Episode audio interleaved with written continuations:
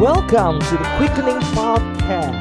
Pesan untuk generasi bertujuan untuk menguatkan orang percaya dan membangun generasi. Berisi firman Tuhan dan kesaksian dari para anggota Quickening. Enjoy.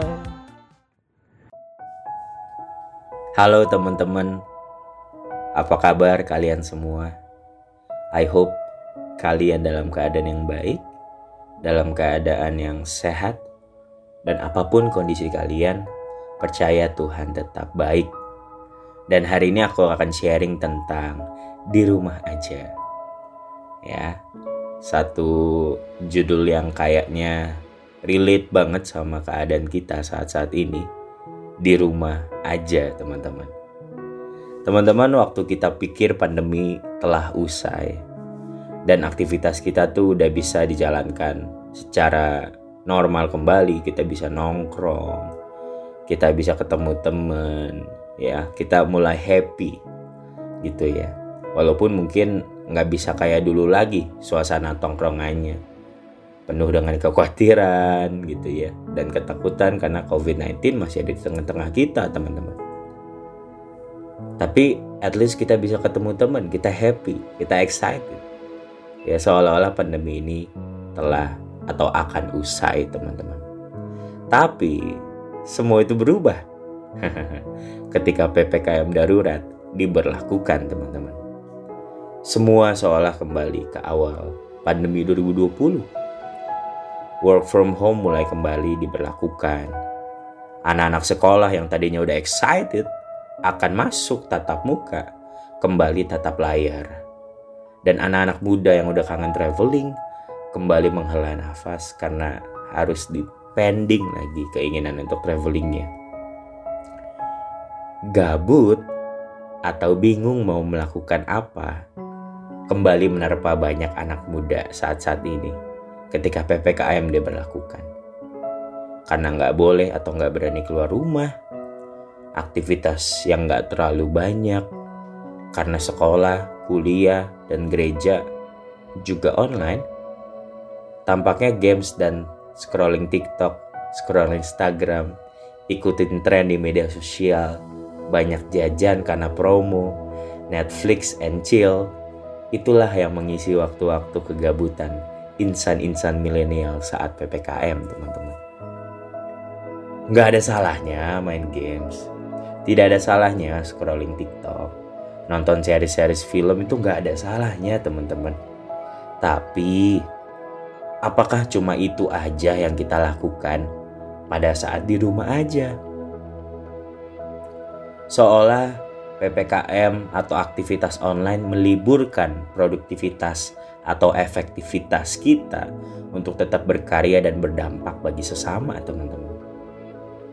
Padahal Pengkhotbah 3 ayat 1 sampai 8 berkata, "Untuk segala sesuatu ada masanya." Untuk apa pun di bawah langit ada waktunya.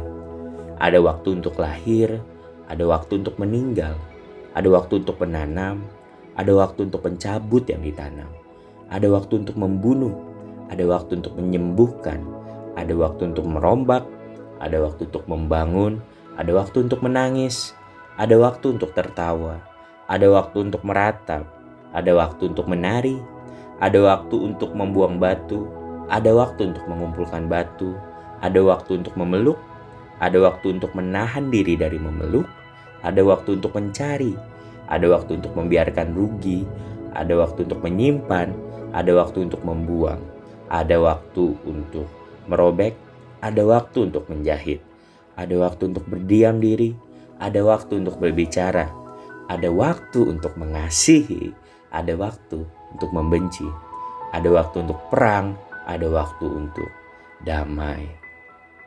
Teman-teman, mungkin benar di rumah aja tuh membuat kita bisa rehat sejenak, istirahat sejenak dari segala kesibukan kita, teman-teman.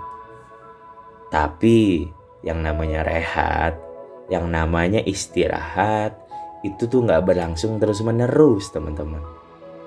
Kita perlu kembali mengangkat badan kita yang sudah nyaman dari kasur ini kita perlu say no to rebahan yang terus-menerus dan mulai melakukan apa yang seharusnya kita lakukan walaupun di rumah aja teman-teman. Ada satu quote dari seorang hamba Tuhan yang gue notice banget, yang relate banget sama keadaan sekarang. Dan relate banget sama sharing gue hari ini. Dia ngomong gini teman-teman, PPKM mestinya nggak membuat lu nggak melakukan apa-apa. PPKM mestinya nggak membuat lu nggak melakukan apa-apa. Kalau setiga ayat 23. Apa pun juga yang kamu perbuat, perbuatlah dengan segenap hatimu, seperti untuk Tuhan dan bukan untuk manusia. Teman-teman, apa pun juga termasuk PPKM, termasuk work from home, termasuk belajar atau sekolah atau kuliah dari rumah, termasuk juga aktivitas-aktivitas online yang lainnya yang kita lakukan dari rumah, termasuk beribadah online di rumah. Apakah kita sudah melakukan dengan segenap hati kita teman-teman? Seperti untuk Tuhan dan bukan buat manusia. Walaupun gak ada orang yang melihat kita di kamar kita bekerja, kita di kamar kita ibadah, kita di kamar kita melakukan aktivitas-aktivitas online yang lainnya. Apakah kita sudah melakukannya dengan segenap hati kita? Ataukah kita memberikan excuse, kita memberikan apa ya, kita mencari-cari alasan untuk tidak maksimal? kita mengurangi standar yang seharusnya teman-teman. Apakah kita melakukan segala aktivitas online kita dengan segenap hati kita? Itu pertanyaan yang harus kita jawab dan harus kita renungkan. Dan teman-teman, apa pun juga itu termasuk banyak waktu luang yang Tuhan berikan di masa-masa ini, teman-teman. Banyak waktu luang yang Tuhan berikan yang seharusnya membuat kita juga banyak memikirkan dan merenungkan kehidupan kita. Bukan malah menyia-nyiakan waktu luang yang banyak itu teman-teman untuk sesuatu yang tidak esensi atau tidak berdampak apa-apa buat kehidupan kita. Coba deh teman-teman, pikirkan ulang aktivitas-aktivitas kita yang tidak esensi atau juga tidak berdampak apa-apa untuk kehidupan kita. Yang kita lakukan banyak pada saat di rumah aja teman-teman. Once again gue mau mengingatkan. PPKM harusnya nggak bikin lu nggak buat atau nggak melakukan apa-apa. Tapi harusnya PPKM atau di rumah aja harusnya bikin lu memikirkan dan merenungkan apa yang selama ini lu lakukan.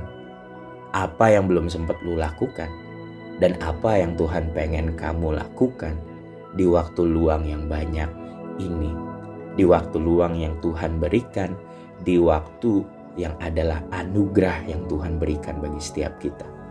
Ingat, waktu itu adalah anugerah. Waktu sama dengan kehidupan yang Tuhan berikan. Kalau kita nggak ada waktu, berarti kita udah nggak bisa hidup lagi, teman-teman. Kalau kita udah kehilangan waktu, kita kehilangan hidup kita, teman-teman. Sama ketika kita kehilangan hidup, kita kehilangan waktu kita. Waktu adalah kehidupan. Waktu adalah anugerah yang Tuhan berikan.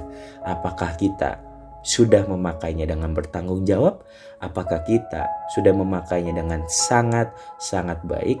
Ataukah kita malah menyia-nyiakannya untuk aktivitas-aktivitas yang tampaknya seru, yang tampaknya have fun, yang mengisi kegabutan kita, tetapi tidak esensi dan tidak memberi dampak apa-apa untuk kehidupan kita. Renungkan ulang dan mulailah membuat aktivitas-aktivitas kita berarti, berharga, dan berdampak untuk kehidupan kita. God bless you all. Thank you for listening Quickening Podcast. Untuk kalian yang mau mengikuti aktivitas dari Quickening bisa follow Instagram kami di Quickening Official dan bisa subscribe YouTube kami di Quickening Official. Thank you.